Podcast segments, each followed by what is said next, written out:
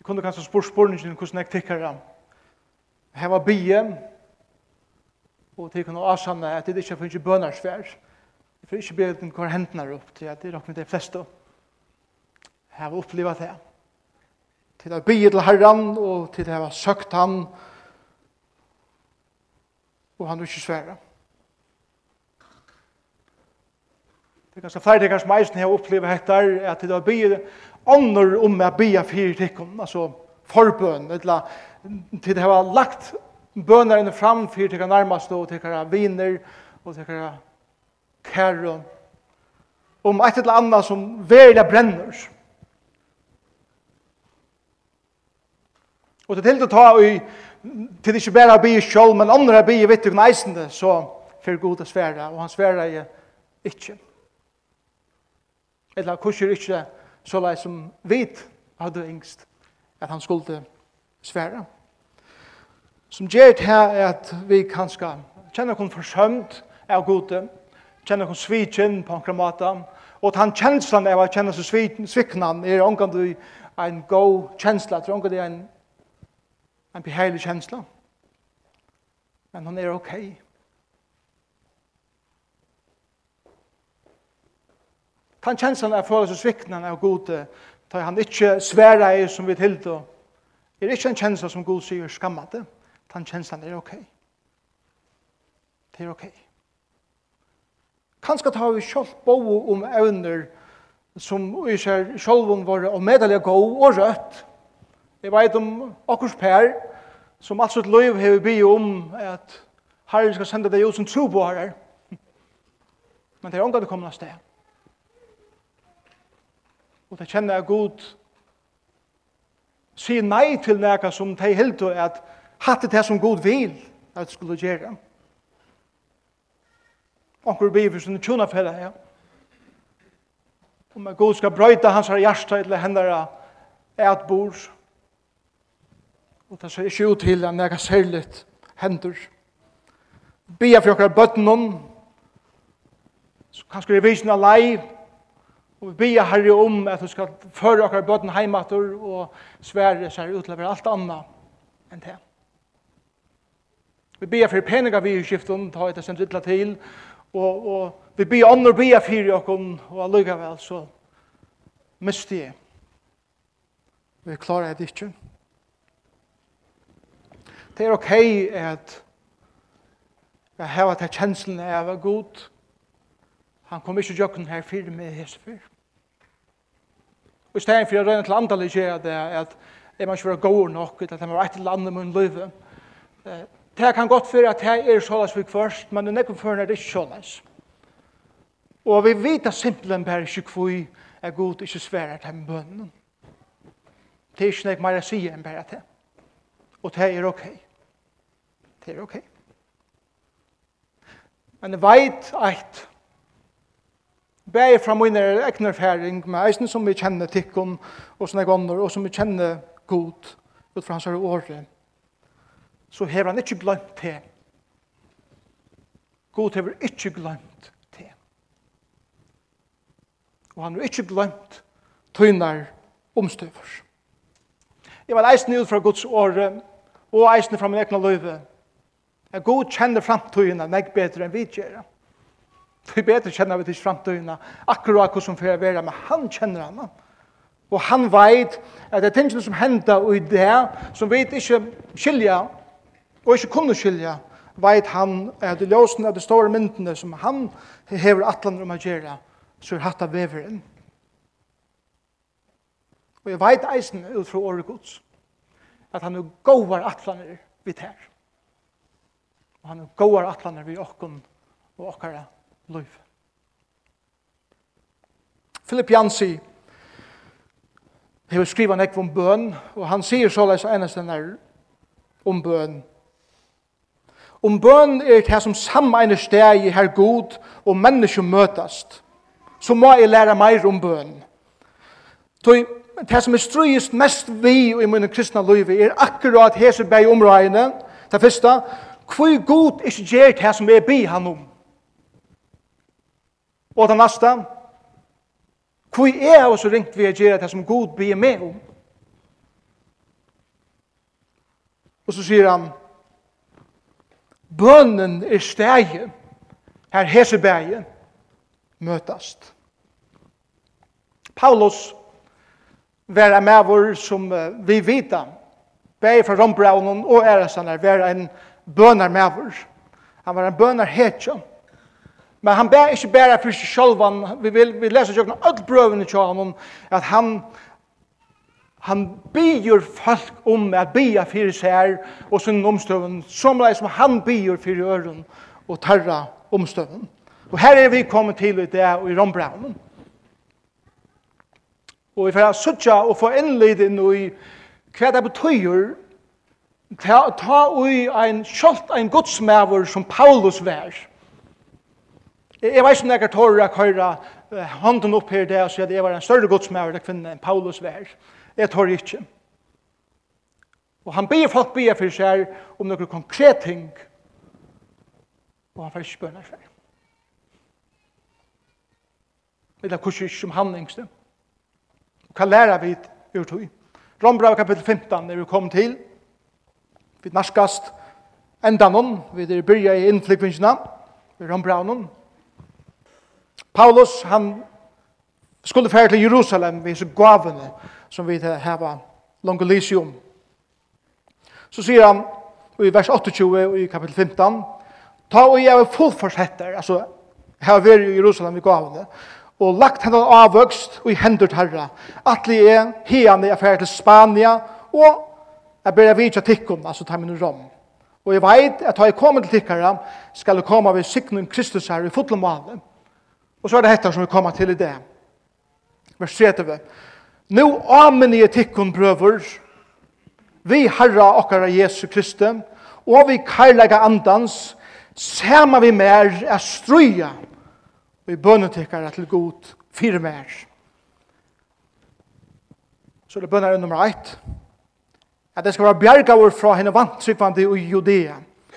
Bønner nummer 2 at ørende mot Jerusalem skal lyka henne heil og vel.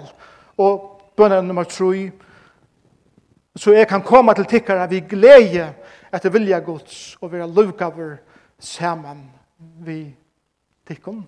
Og så endrar vi å si God friarens fyrir vi tikkun ötlun. Amen. Jeg vet at kalla tævne det bøn og bøn er svær. Et land. Okkar er tar vi byan, og Guds vilje vi okkara bønnen. Og han byrjar i vers 7, og han sier, nu, nu amen i tikkun, hans er kraftet år som han brukar. I bønne tikkun, i amen i tikkun, i råpe til tikkar om, at minnas til moin brøver og systrar. Vi har okkar Jesus Kristus, legg meg til tru enten av versen, vi har okkar Jesus Kristus, vi karlaga andans til god Öll trúi eintin verður nevnt ui hessin her.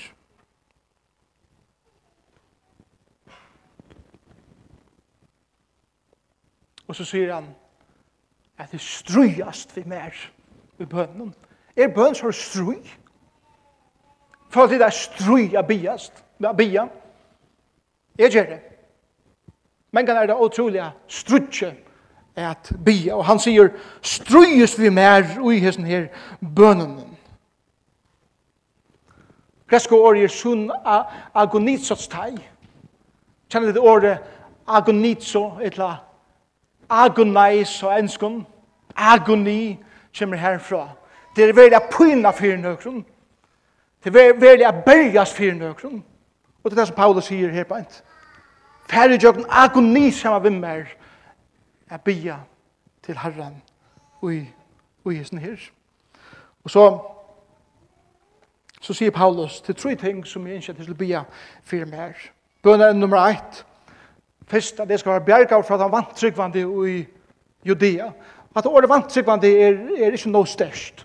For sånn vant vantrykvande folk. Men året her er meira at bjerga meg fra motstående folkene Det er nek vantrugan folk som er vinali, annars i måte kristendommen. Men han, han byr her for de jødene som heta kristendommen, som han veit ikke han deian, og han byr her om å være vartur og bjergaver fra teimen, og etter en bøn som er øtten fyrir tog og videg. Fyrir tog som du ikke varst for henda som du skal trakka inn i, til bønneren nummer 1.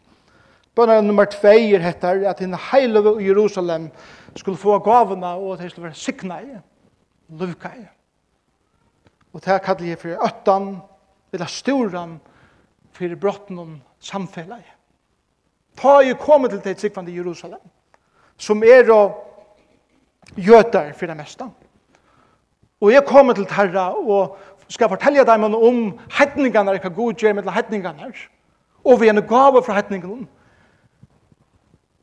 Jeg er bensje for at jeg ikke vil ta mot det tog. Tog at her er det sånn folk som halde at frelsene bæra til gjøtene, og hvordan man er for å være mot tidsen, bygge fire, at ha jeg kommet og i hese samkomne i Jerusalem. At jeg skulle ta mot dem her, vi åpne armen, og mottake seg gavene fra teimen og i Grikkelandet, og i samkomne her. Så at det samfunnet kan være skapt, og i middelen, jødene og hetningene som trykker Herren Jesus Kristus. Og så nummer 3.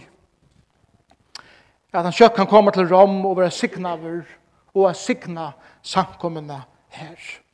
Og det er kallet for langslen etter til gåa for framman. Langslen etter til gåa for framman.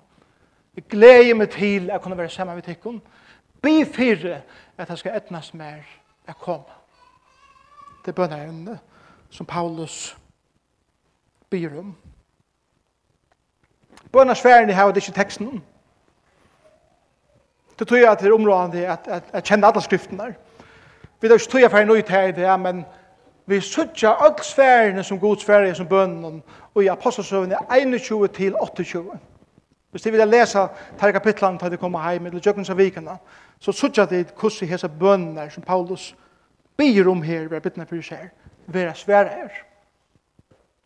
Men la meg i stutten bare vise til hvordan disse bønner var svære her, og vi kommer til noen mer regler her som vi viser. Først var denne bønnen fra motstøv mannen. Og her er Guds svær såleis, ja, men nei. Ja, men nei. Paulus kom til Jerusalem, det vet jeg vet. Han var kjøtt over av oss, at under først til Jerusalem, så får jeg folk ikke drepat. Han får allika. Så han kjente at det var Guds kall til syn. Da han kom til Jerusalem. Løtte folk av han. Og de planlagde å drepa han. Og han ble akkurat for å spotta god og tar skratte klæin i avnum og gjør det så klaran til at puskan fjør til fyr. Ta det knappt har funnet til at en romerske borgare vet ikke løyve slå han. Han var bjergaver fra tog. Du var bjergaver, men nei. Til Paulus ble tidsin. Og Paulus enda i tvei år i fangsli i Kisarea. Tvei år. Be fyrir at det skal være bjergaver og gå sier, ja, Tutt løy skal være bjerga, men nei, du skal falla i hender til denne fudgjenta. Bønneren nummer 2, vers 4 så leis, og det er at det er tryggvandi i Jerusalem skulle teke mot gavene. Og vi leser i Apostelsøvende 21 at han hittet hei tryggvandi i Jerusalem, og det var og med det glede av suttjan, her fikk han bønner svær. Men vi vet eisen til at tøyen ser vi dem tryggvandi i Jerusalem, Jerusalem var omedelig stort. Det var kanskje bare tveir, tror ikke dier, vi vet ikke akkurat hvordan dier, men bare noen feir dier, så fer Paulus inn i tempelet, og her er det alt byrjar. Og så les misser han sambandet vi sine brøver og systrar i Jerusalem. Og den tredje bønnen er at han skal kunne komme til Rom kjøtt. Det er altså svær som God sier Ja, men ikke som to atlei. Ikke som to atlei. Paulus kom til Rom, det vet jeg ut. Det vet jeg ut fra apostelsøvn 28. Han kom til Rom. Men ikke før han har vært gjort alt dette her i Jerusalem, ikke før han har sitt tvei år i fengehus i Kasseria, Ikke fyrir han var ferdig med skipet og, og, og kom i øtnarvever og, og tar lov og ferdigar og hever noen, og, og utan av videre hver enda, og, og så la han skipprot av Malta. Måndu døy her, vi biten av en slanke, er mittel brøren er her, og, og, og mittel falskjø i Malta, og så gjerne færre vi er til Potsvale, eh, en bøyer forsvar til Napoli. Kjemmer land her, og først lukongo alle venner til Rom, og Men kan bo i en rom, eller sankoman. Ja, det kommer motrum i Potsvale. Men det som vil bo i en rom er et annet fengehus. Atter fangsel. Tøy at i Kesaria kastar han sitt skydda sitt malen for keisaren til han akardur, og han skydda for hakstarat, og han var fyrir her fra fra ene fangsel og i et annet fangsel i rom. Her som han er tvei år.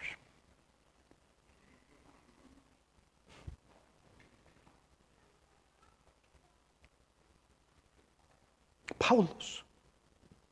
Det er en veldig god mæver. Så vi tar det tro, det er kraft i hans her bønnen. Opplever helt, helt nega anna enn det som han ber om. Louis John gjør det utrolig at trobult. Men god her sin rattlander i hånden. Hva er mer regler lærer vi ut? Vi innskjer at peika av fyra mer regler som vi lærer ur hese hendelsene som vi har lyst om i det. Kan læra vi fra rundt om Paulus her? Månde Paulus være med som sier, og så vidt ofta hoa sier, at det kan gjøre samme hva vi bia, og det kan gjøre samme hva vi bia ånder om å bia fyrir okkom til god gjør akkur som han vil allikevel. Så, hvor skal vi bia? Er det tannhukkboren vi hava, det lærer Paulus okkur helt nære annan. Det første med det som jeg hadde vidt lære ur den teksten er hettar at vi kunne halda at vi får ikke bønnersvær til at vi er ikke god nok at vi er ikke andalig nok at vi er ikke aktiv nok i herrens verst. Utfra hesen teksten om fettler alt det av gulv. Ta hesen teksten sjálfur lært er sjálfur Paulus fremste maveren i Guds herre av syndhøy bæ om neka. Partist om a bia. Og gos i nei. Ikki som du vilt. Var det du ikke var andalig nok? Var det du ikke var aktiv nok? Var det du ikke var kommet noe lengt? Nei. Men, men så sier det, hatt det her som Satan vil hava okkon et tryggva. Nei Ja, god sværs, en bøn er ikke klar i hvor hvordan lengt ut det verst. Du er ikke noe aktiver, du gjerst ikke noe nek, du er ikke kommet noe nek, og noe lengt andalige, og alle disse pylene sender satan etter okken, for jeg får okken djevast, er bia. Og hans teksten lærer okken greit, at det er ikke det, vi har som fører.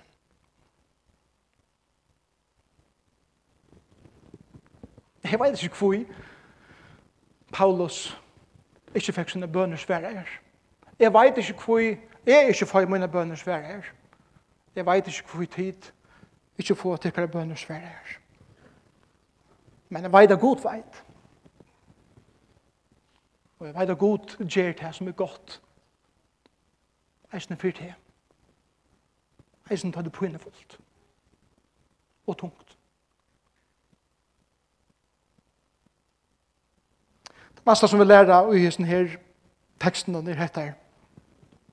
Okkara vilje og okkara atlaner er ikkje alltid vilje og atlaner Guds vi okkom.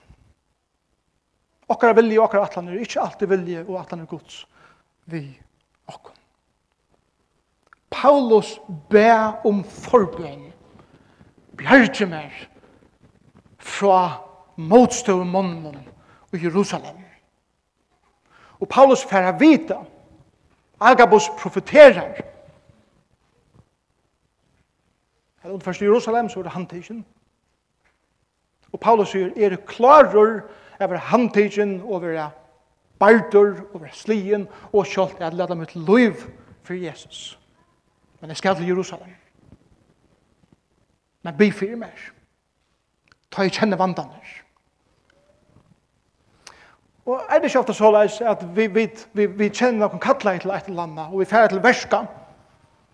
Og tar vi det færer til verska, så oppdager vi at det gonger slett ikke som i atle. Jeg har tid nægget til kjenslene at det gonger ikke som i atle. Ting fettler ikke hakk som i atle. Jeg har tid nægget til det. Ok, det er bare jeg som har det. Jeg har det. Det burde vi kaste tid som samt er oppe og, og tale, men jeg vet at tid er ikke har det. God hever en betur og en større mynd av mine liv og tøyne liv. Og jeg sier at den største bardeien og i akkurat liv som tryggvande er nemlig heter. Jeg kommer å kjenne vilja Guds og at bodtjokken under hans er vilja.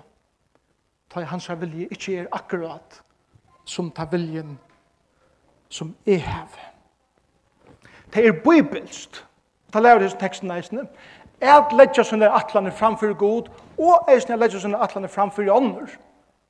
Det er ikke gale vi tog at sier, hette det som er føle, hette det som er brenner fyrir, hette det som er har planlagt å gjøre. Det finnes finast ordan, Paulus gjør det. Men det er alltid etter ment det her, bænt. Og det er om i livet, og om Herre vil, og om du vilje gods. Så vil det så. Hetta er høves endamålet og høves hukkboren vi bøn trygg vi er. Og det er nemlig hettar. At letja mine atlaner framfor god og så strujast er djeva til her i vil hans herre vilja. Det tror jeg Paulus kallar for en agonitsu, at, at, at, at berjast, at strujast for Jesus. Til at struje det kan være sånn det ikke vi vet. vet. Det kan være utrolig tørr for bønner, Det kan det være.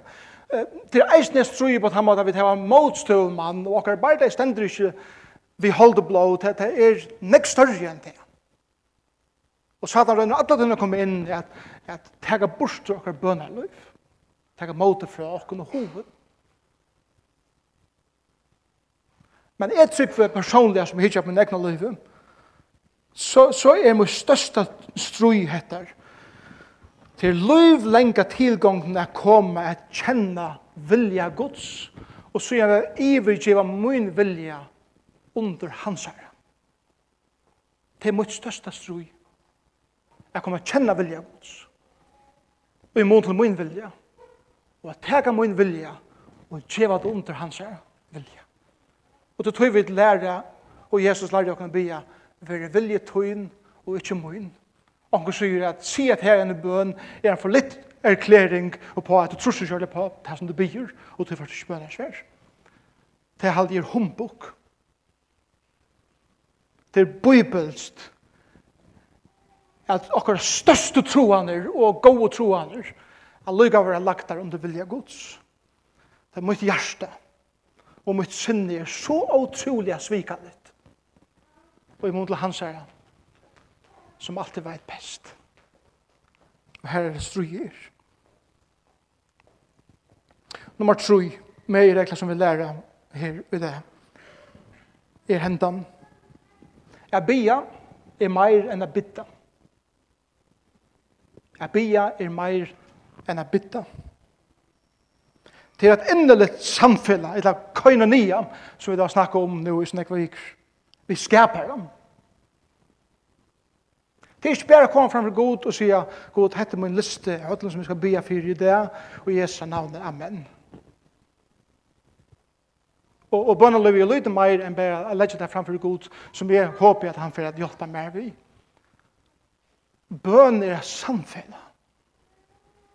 Bøn er å fylkjast vi en person. Husk noen uh, forhold som er ond, hvis jeg eneste kommunikasjonen har vi ond, der, gå ond, kan jeg få grinde spikel døver i det. Og i onsa navnet. Amen. Sikna forhold, det er verre. Men så sier akkurat forhold i god på en ekka mater. Og hans er størsta innsjå, hans er brennende dreimer for jokken er at vi skulle komme inn i Egypte samfunnet enn til vi har. Då sier jeg hva en katolskur prester skriver jo seikjant i øld om bøn. Han sier såleis, Fortel god i alt som ligger her i hjertet. Fortel, det, fortel hon det som ein og i utøyse sitt hjerte for hjertet vinner synen. Si hon fra til henne trobeleikon og han fyrir trøste det. Si hon fra til henne glede og han fyrir gledest vidt her. Si hon fra til henne som fyrir ergar til og han fyrir sikra at henne sier hun fra til festingun, og han får verja det fra teimen. Sier hun fra til hjersta saren, og han får hedla sina fløvande olje i teg. Sier hun fra til lyga sæle om det goa. Sier hun fra til ahua og til ytla, og hvordan sjåter du vært til snava. Sier Syne fra hvordan karlægen til den sjolvan forar til at hukse om ånder. Og hvordan to ut under sjolvfordøming eisene fordømer ånder. Og hvordan to en stoltleik heldet her bort fra djupen og sunnen forholden. Ta er det såleis ut øyser til her veikleikar, tørver og trobeleikar. Og alt det som ligger til her i hjertet ver du ångande tomer fyrir samtale vi god. Du kommer ångande til botnen og gjennom evne vi han. Du er alla tøyene enda og kjavur. Det er alla tøyene okkurs nytt at luta, okkurs frukst at prata om. Folk som angar landardomar heva fyrir kvarn øron, heva alltid nok at snakka om. Ta med nøydes ikkje via kvart år, Det er ikke gøyma.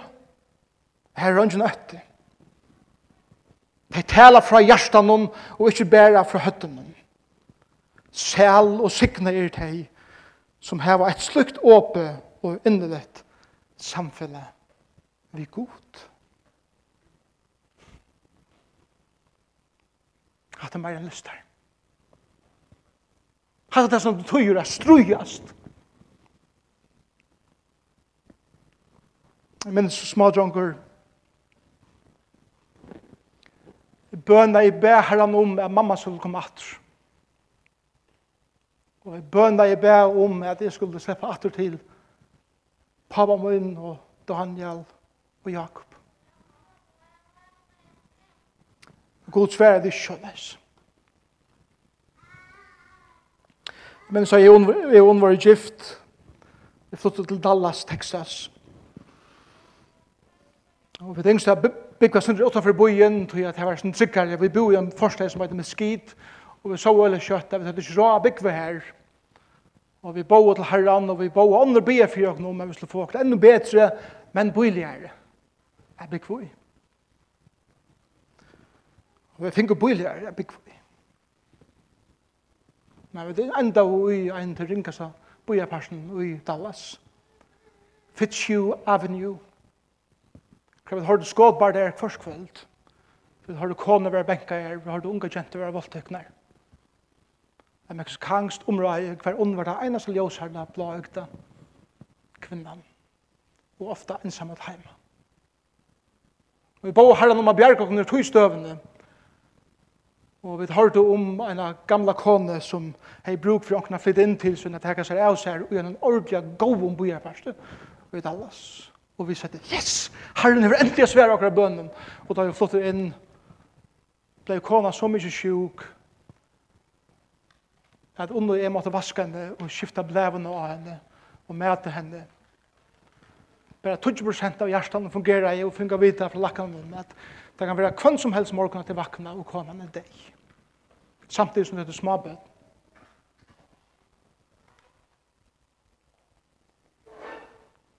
Da vi flyttet til Glasgow, eller Motherwell i Skottland, fikk jeg et, et arbeid i en sankumme som talere, samtidig som jeg underviser av GLO. Og det var fantastisk, det var mitt første arbeid i en sankumme. Vi kom inn som en unga pære og en gamla sankumme som skulle være et pære som nu skulle komme med nudjar friskar luft inn og nekfalt skulle legges til. Jeg var bare for radikaler.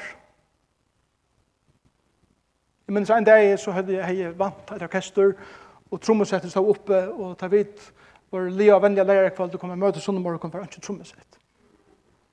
Det var gømt borster. Og jeg fikk av vite at talene ikke hadde er ikke noe gåar til dere folk.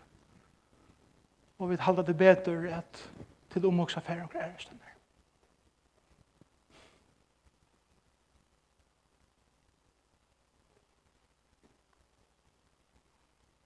og vi kom heim til førjer. Og vi hava i 20 år by av oss bøner for Jesus samkommende. Som nekk er sværa og nekk er ikke sværa. På den måten som vi bo om.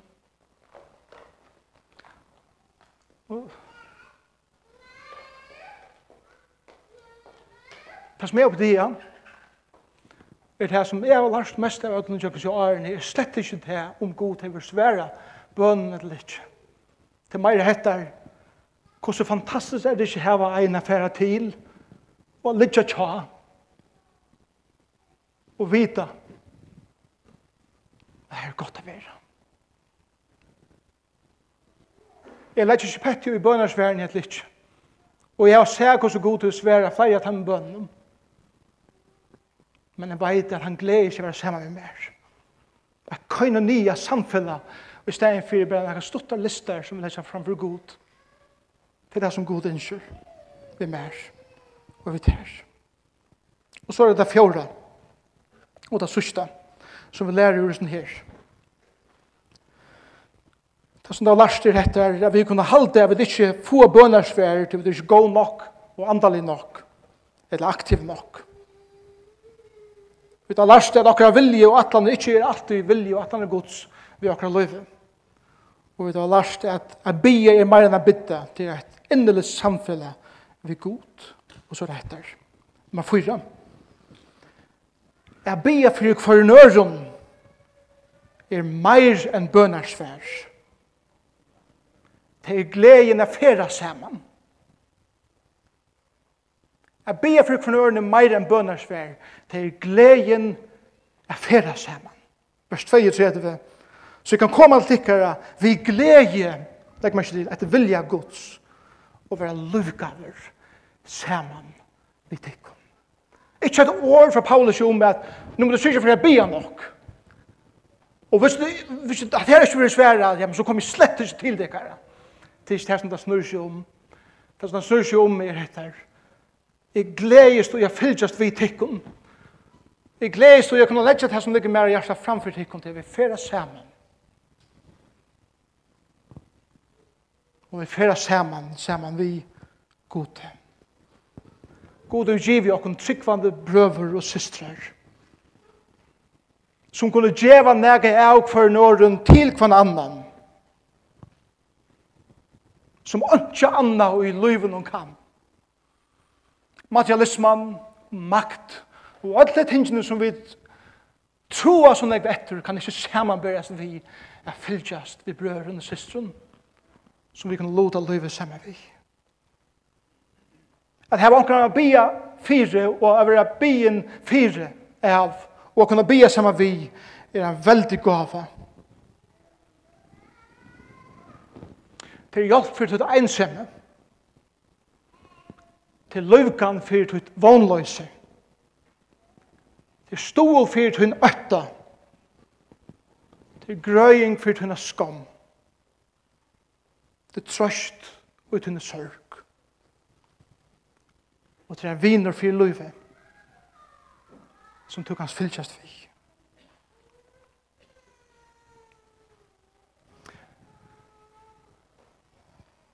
Bidra hva det etter det?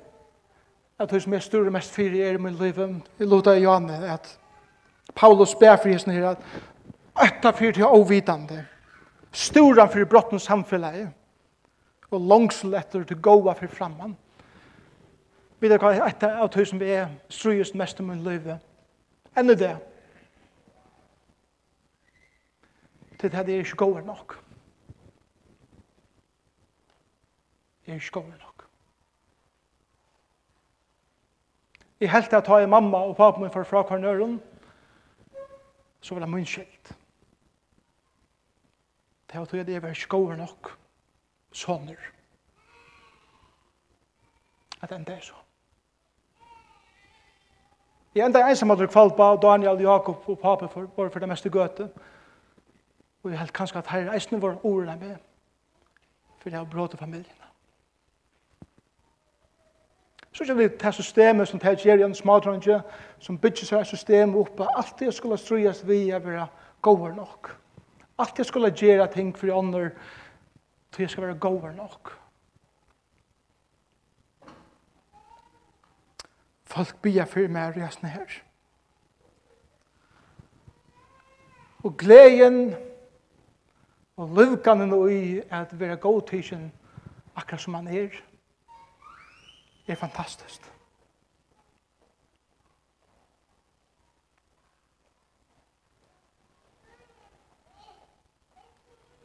Jeg håper at du har noen å bya sammen med vi. Eller bya fyrt her. Eller fylltjast vi. Vi livet. Det er største gavan som god til vi givet okkon, at han har sin son. er at her onkran er fylltjast vi. Og kunne lota oss ut allar innast av vi, og i okra løyve, og korsene, og vi være elskapur og være god tid.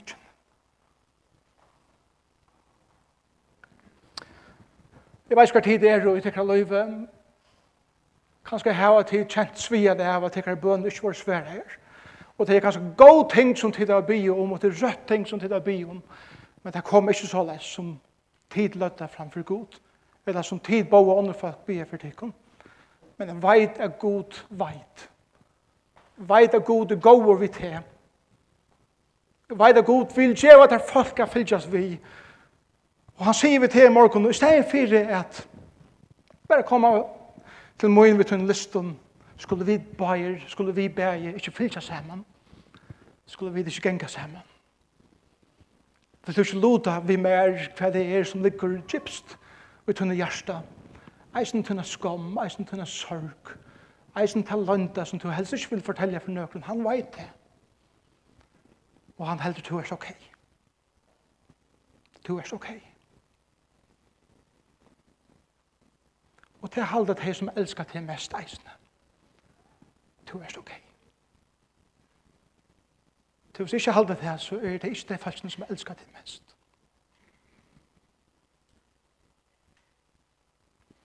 Måtte løvden være en samkomma. Som for egen oppfyrir at ta løysus jeg bia, Sjalt ta i mina bønner, ikke være svære her, som jeg ber. Ta løysen be bia fire kvarn øren, og sama vi øren. Brøver og søster, ta løysen seg komme av bønarmøter, og i bønarbølkar, jeg be saman vi øren. Til det skaper et øl, og medelig djupt og godt samfunn. Vi